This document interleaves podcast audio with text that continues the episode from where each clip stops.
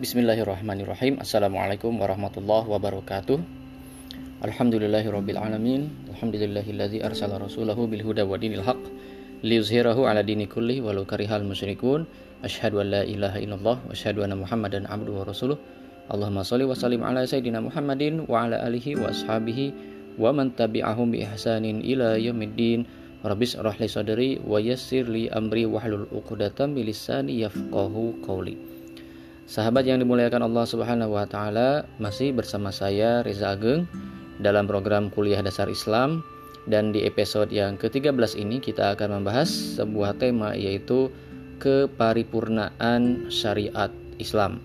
Di episode yang lalu kita telah membahas syariat Islam, definisinya dan juga macam-macam hukum yang lahir dari syariat Islam. Intinya ada dalam syariat Islam mengatur halal dan haram, intinya itu perintah dan larangan.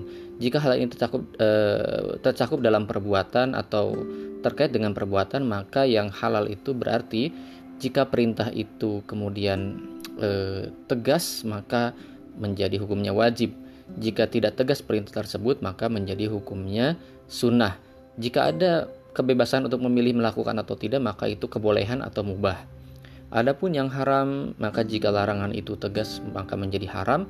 Tapi jika larangan itu tidak tegas, maka itu hukumnya adalah makruh. Adapun berkaitan dengan uh, hukum benda ya seperti makanan dan sebagainya, maka itu hanya terkait dengan dua kategori saja yaitu halal dan haram. Misalnya ada makanan halal, makanan haram seperti itu. Nah, jadi perintah dan larangan itulah esensi dari syariat Islam. Baik, di episode ini kita akan membahas bahwa syariat Islam itu e, mengatur banyak hal. Mungkin di benak sebagian kita atau sebagian masyarakat kita syariat Islam itu hanya mencakup masalah ibadah ritual saja. Ketika mendengar syariat Islam, maka yang terbayang itu tidak lebih dari masalah sholat, ya puasa, haji dan yang semacamnya. Apakah syariat Islam hanya mengatur hal-hal yang seperti itu? Nah, mari kita lihat, sahabat sekalian yang dirahmati Allah. Eh, masih ingat kan bahasan kita tentang eh, 10 tujuan Al-Quran sebagaimana yang dibahas oleh Imam Al-Ghazali rahimahullah ta'ala. Dan di bagian yang terakhir Imam Al-Ghazali menjelaskan bahwa tujuan Quran adalah menjelaskan hukum-hukumnya. Dan sudah kita bahas di dalam poin tersebut beberapa aspek hukum yang dibahas di dalam Al-Quran. Dan eh, juga kita telah membahas as-sunnah di mana as-sunnah ini adalah penjelas bagi Al-Quran sehingga uh, Al-Quran dan As-Sunnah ini menjadi satu kesatuan satu paket dalam menjelaskan syariat Islam. Nah, sahabat sekalian dirahmati Allah Subhanahu wa taala, kita sedikit review lagi uh, dari bab tersebut yang dibahas oleh Imam Al-Ghazali dan diperkuat oleh Imam Ash-Shatibi dengan uh, penjelasan beliau tentang maqasidus syariah, tentang tujuan-tujuan syariat. Ini bisa membantu kita memahami ruang lingkup syariat itu apa saja. Baik, apa kata Imam Asyatibi rahimahullah taala? Tujuan syariat atau maqasidus syariah ada lima. Yang pertama adalah hifzuddin menjaga agama. Yang kedua adalah hifzul akal menjaga akal. Yang ketiga hifzun nafs menjaga diri, badan dan jiwa. Kemudian yang berikutnya hifzun nasab menjaga nasab atau keturunan dan yang berikutnya adalah uh, uh, hifzul mal atau menjaga uh, harta kepemilikan. Baik, kita lihat contoh-contohnya. Misalnya Hifzuddin menjaga uh, agama. Dalam menjaga agama ini maksudnya adalah menjaga uh, keimanan kita, ya, keimanan kita kepada Allah dan Rasulnya dan kepada Al-Quran. Ya, dan keimanan kita pada Islam secara keseluruhan. Bagaimana cara menjaganya? Di antaranya ada syariat-syariat yang berkaitan dengan hubungan kita langsung dengan Allah. Seperti sholat, kemudian puasa, zakat. Ini yang oleh para ulama disebut ibadah dalam arti sempit. Karena kalau ibadah dalam arti luas, segala hal yang mencakup pengabdian kita kepada Allah, segala hal perbuatan yang dilandasi oleh aturan Allah, maka itu ibadah. Tetapi dalam istilah fikih, ibadah ini artinya adalah hal-hal yang berkaitan hubungan langsung kita dengan Allah berupa ibadah ritual atau ibadah matoh seperti sholat, puasa, dan sebagainya. Hal ini yang tidak berkaitan dengan orang lain karena sifatnya individual, dilakukan oleh kita sendiri. Ya, meskipun dilakukan sendiri itu ada yang berjamaah seperti sholat. Nah, ini adalah kaitan dengan hubungan kita dengan Allah. Juga dalam rangka hifzuddin menjaga agama, ada juga ukubat atau hukuman bagi orang yang murtad misalnya. Ini juga menjaga agama agar eh, agama kita dan keyakinan kita terjaga dari segala bentuk subhat, keraguan dan sebagainya. Baik. Kemudian yang kedua, hifzul akal menjaga akal. Ya, bagaimana cara syariat menjaga akal? Di antaranya adalah Syariat menuntut kita agar menuntut ilmu yang benar, menuntut ilmu Islam dari sumbernya dari Al-Quran dan, dan As-Sunnah melalui penjelasan para ulama. Selain itu, juga Islam melarang kita merusak akal, misalnya dengan mengharamkan khomer, karena khomer itu merusak akal. Dan kemudian eh, yang ketiga adalah hifzun nafs, menjaga diri. Diri ini bisa berupa badan jasmani kita ataupun nyawa kita. Misalnya Al-Quran menjelaskan tentang uh, hukum makanan, mana makanan yang halal, mana ya makanan yang haram. Ini dijelaskan dalam Al-Quran dan As-Sunnah. Secara garis besar, uh, hukum asal uh, makanan itu halal selama tidak ada dalil yang mengharamkan. Sehingga yang diharamkan itu hanyalah makanan-makanan yang haram saja. Nah, ini menjaga badan kita dari keharaman. Dan juga bagaimana Al-Quran menyuruh kita untuk memakan makanan yang halal dan juga toyib. Agar tubuh kita tidak mengalami kerusakan akibat makanan yang masuk ke dalam tubuh kita. Dan juga di antara syariat yang bertujuan hifzun nafs menjaga diri, menjaga nyawa adalah adanya hukuman, hukubat bagi kasus pembunuhan misalnya. Ada kisos di situ, di mana ada hukuman mati bagi orang yang melakukan pembunuhan. Tujuannya adalah agar e, kasus pembunuhan tidak terjadi karena masyarakat takut dengan hukumannya. Jadi ada efek jerak di situ dan ada efek agar orang tidak mencoba untuk melakukan kasus pembunuhan karena hukumannya sangat berat. Itu namanya hifzun nafs, menjaga jiwa.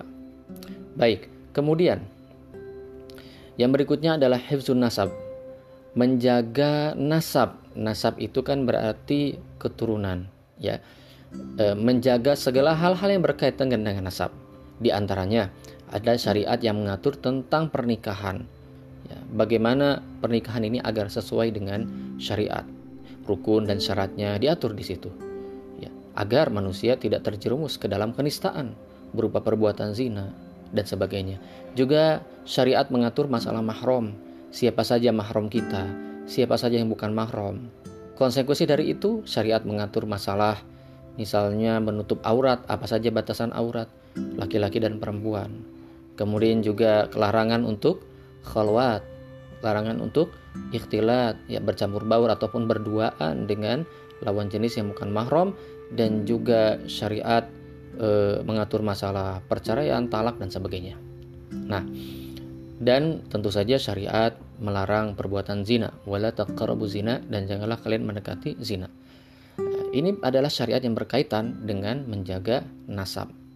Dan yang terakhir adalah hifzul mal bagaimana syariat mengatur masalah harta dan kepemilikan dan menjaga harta kepemilikan itu ya misalnya syariat mengatur bagaimana cara jual beli yang halal jual beli yang sah ya ini ada di dalam bab muamalah kalau dalam fikih Ya. Syariat mengatur e, kepemilikan yang benar itu seperti apa? Kepemilikan harta, cara memperoleh harta. Juga syariat mengatur e, waris misalnya. Ya, perpindahan harta dari satu orang ke orang lain, baik melalui waris ataupun hibah dan sebagainya. Itu semua diatur dalam hifzul mal, dalam syariat-syariat yang mengatur tentang menjaga harta dan kepemilikan dan juga dalam rangka menjaga harta dan kepemilikan ini, syariat mengatur hukuman bagi orang yang melanggar hak milik orang lain, misalnya mencuri. Ya, ada hukum potong tangan bagi orang yang mencuri. Nah, dari lima makosid syariah ini kita e, baru saja mendapatkan contoh-contoh bentuk-bentuk syariat yang disyariatkan Allah Subhanahu wa taala. Tentu kalau kita membahas semua jenis semua poin syariat akan sangat panjang, tetapi mudah-mudahan hal tadi bisa memberi contoh ya syariat dalam berbagai aspeknya. Nah, eh, di atas lima jenis e, tujuan syariat ini ada satu hal yang tidak boleh kita lupakan yaitu bagaimana Rasulullah Shallallahu Alaihi Wasallam e, merealisasikan lima tujuan syariat ini yaitu Rasulullah Shallallahu Alaihi Wasallam menjadi seorang kepala negara, menjadi seorang pemimpin, menjadi seorang hakim untuk memutuskan semua perkara yang berkaitan dengan apa yang dilakukan oleh masyarakat Muslim, ya, dalam hal e, kaitannya dengan syariat Islam. Maka peran pemimpin, peran pemerintahan, peran kepala negara juga vital dalam syariat Islam ini bahkan menjadi salah satu bagian dari syariat Islam karena dicontohkan oleh Rasulullah Shallallahu Alaihi Wasallam dan para sahabat. Sahabat sekalian dirahmati Allah Subhanahu Wa Taala dengan penjelasan lima tujuan syariat beserta syariat yang poin-poin syariat yang mendukung terrealisasinya lima tujuan tersebut plus adalah eh, penjagaan lewat fungsi kepemimpinan atau pemerintahan tadi, maka bisa kita simpulkan bahwa syariat Islam itu secara garis besar terkategori dalam tiga hal. Yang pertama adalah syariat Islam yang mengatur hubungan diri sendiri dengan Allah Subhanahu wa taala. Misalnya syariat Islam yang tadi dijelaskan terkait dengan hifzuddin yaitu masalah syariat dalam hal ibadah ritual seperti sholat, puasa, zakat, haji. Ini semua murni hubungan kita dengan Allah Subhanahu wa taala. Ya, tanpa melibatkan orang lain, murni hubungan kita dengan Allah. Dan juga eh, hal-hal e, yang berkaitan dengan keimanan dan sebagainya. E, bagaimana menjaga keimanan dan sebagainya. Juga e, bukan hanya yang wajib tapi syariat ibadah mahdoh yang sunnah seperti sholat sunnah, puasa sunnah ini berkaitan dengan hubungan kita dengan Allah. Ini kategori syariat yang pertama. Kategori syariat yang kedua adalah hubungan kita hubungan manusia dengan diri sendiri.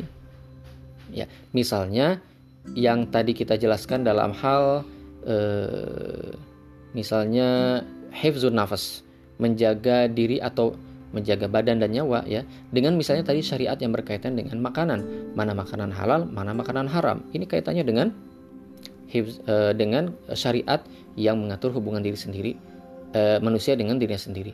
Juga dalam makosid syariah yang e, poin e, hifzun nasab, menjaga nasab, ada syariat tentang pakaian. Ya. Sebagai konsekuensi dari syariat tentang aurat ya, mana aurat laki-laki dan perempuan sehingga ada kewajiban menggunakan pakaian yang disyariatkan oleh Islam sehingga menutup aurat. Ini juga kaitannya dengan hubungan manusia dengan diri sendiri. Jadi makanan, minuman, pakaian, perkara aurat. Ini adalah kategori kedua syariat tentang hubungan antara manusia dengan dirinya sendiri. Dan syariat dan hub, e, e, bagian yang ketiga adalah syariat yang mengatur hubungan manusia dengan sesama manusia. Dengan sesama manusia. Misalnya tadi kalau kita bahas tentang e, tujuan syariat misalnya hifzul mal menjaga harta. Di situ ada syariat tentang muamalah jual beli dengan orang lain.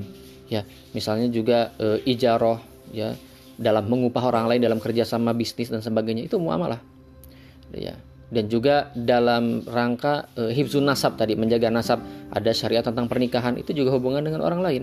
Ya syarat dan rukunnya dan sebagainya. Ya larangan ikhtilat ini dalam ranah hubungan antara manusia dengan manusia lainnya. Dan juga patut dicatat salah satu juga syariat yang termasuk hubungan manusia dengan manusia lainnya adalah soal yang terakhir tadi saya bahas yaitu soal pemerintahan politik kepemimpinan. Ini juga dal, e, masuk dalam ruang lingkup yang tiga hubungan manusia dengan sesama manusia. Maka hubungan manusia dengan sesama manusia diatur oleh syariat dalam hal ekonomi kemudian sosial pergaulan antar lawan jenis dan juga pemerintahan, hukum dan e, yang berkaitan dengan hal-hal tersebut. Sahabat sekalian rahmati Allah Subhanahu wa taala, tiga ruang lingkup syariat ini yang mengatur hubungan diri kita dengan Allah, yang mengatur hubungan diri kita dengan kita sendiri dan yang mengatur hubungan diri kita dengan sesama manusia, ini menunjukkan keparipurnaan Islam. Artinya, Islam mengatur segala aspek segala hal, segala sisi yang berkaitan dengan kehidupan kita sebagai diri, sebagai anggota masyarakat, sebagai hamba Allah. Islam mengatur itu semua sedemikian rupa sehingga semua perbuatan kita ada aturnya dalam syariat. Allah Subhanahu wa taala berfirman di dalam Al-Qur'an, wa nazalna 'alaikal kitaba uh, tibyana likulli syai dan kami turunkan kepadamu wahai Muhammad kitab Al-Qur'an untuk menjelaskan atas segala sesuatu. Para ulama memaknai ini maksudnya adalah Al-Quran menjelaskan segala sesuatu yang diperlukan oleh manusia menyangkut halal haram yang dibutuhkan dalam mengarungi kehidupan manusia. Sehingga dalam segala aspek kehidupan kita, kita menemukan mana e, halal dan mana haram karena Islam mengatur itu semua.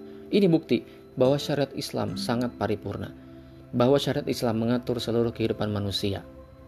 Dan hal ini mendukung misi penciptaan manusia, yaitu untuk beribadah. Sehingga e, ibadah bukan saja ketika kita sholat, bukan saja ketika kita di masjid, bukan saja ketika kita berhaji, tetapi ibadah adalah segala sesuatu yang kita perbuat, segala sesuatu yang kita lakukan dalam hidup kita, dalam setiap ranah kehidupan kita, sepanjang itu dilakukan dengan sesuai dengan aturan yang Allah turunkan kepada kita, yang tercakup dalam Al-Quran dan As-Sunnah, plus dua sumber hukum Islam lainnya adalah ijma sahabat dan kias. Sahabat sekalian mati Allah Subhanahu wa taala, semoga ini membuka pikiran kita ya eh, agar kita memahami bahwa syariat Islam adalah sungguh aturan Allah yang sangat sempurna dan paripurna sehingga kita tergerak untuk mengamal, mengamalkannya dalam kehidupan dan menjadi sebenar-benarnya hamba Allah. Demikian eh, semoga bermanfaat. Kurang lebihnya mohon maaf. Assalamualaikum warahmatullahi wabarakatuh.